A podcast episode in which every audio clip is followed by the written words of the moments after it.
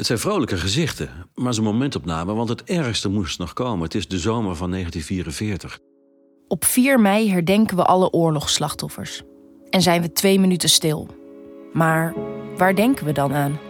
Dit is het twee minuten verhaal van Paul Overdiek, die als dwangarbeider in een Duits kamp moest werken. Twee minuten die we nooit mogen vergeten. Zijn zoon Tim vertelt zijn verhaal aan de hand van een foto die hij ooit heeft gevonden.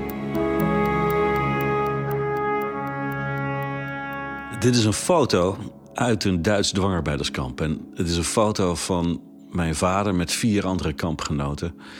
En ze zitten voor een bord. Het is een beetje een feestelijk eh, moment, lijkt het wel. Ze, ze schrijven op dat bord... deze vijf Hollanders hielden het op de edelstaal...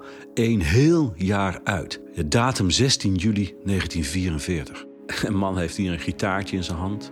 Het is in de zomer, het is juli 44, hartstikke heet. En op de achtergrond zie je de barakken van waar ze, waar ze woonden. De ramen staan open.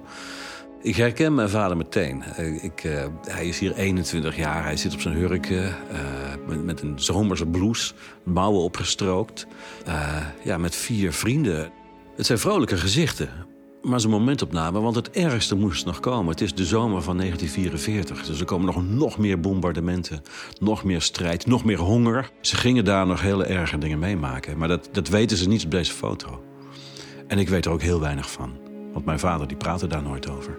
Mijn vader werkte voor de Edelstaalwerken in Krefeld. Daar ben ik na ja, heel lang onderzoek achtergekomen.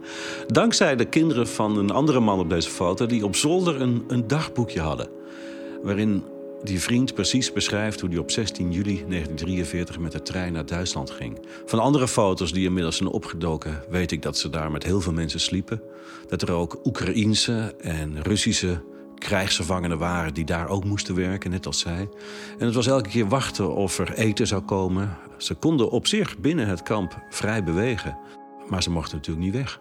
De, de blikken van deze mannen op die foto zijn, zijn nog, nog heel jong. Mijn vader is op deze foto 21.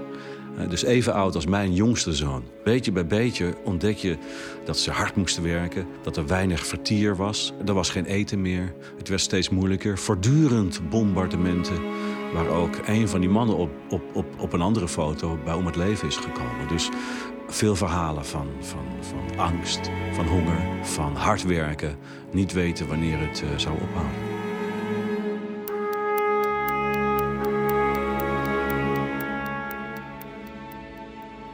Op 4 mei ga ik naar de Apollolaan in Amsterdam-Zuid en ben ik stil. Stil ook voor mijn vader. Houd de verhalen uit de oorlog levend. Deel dit twee minuten verhaal, zodat we niet vergeten hoe kwetsbaar vrijheid is.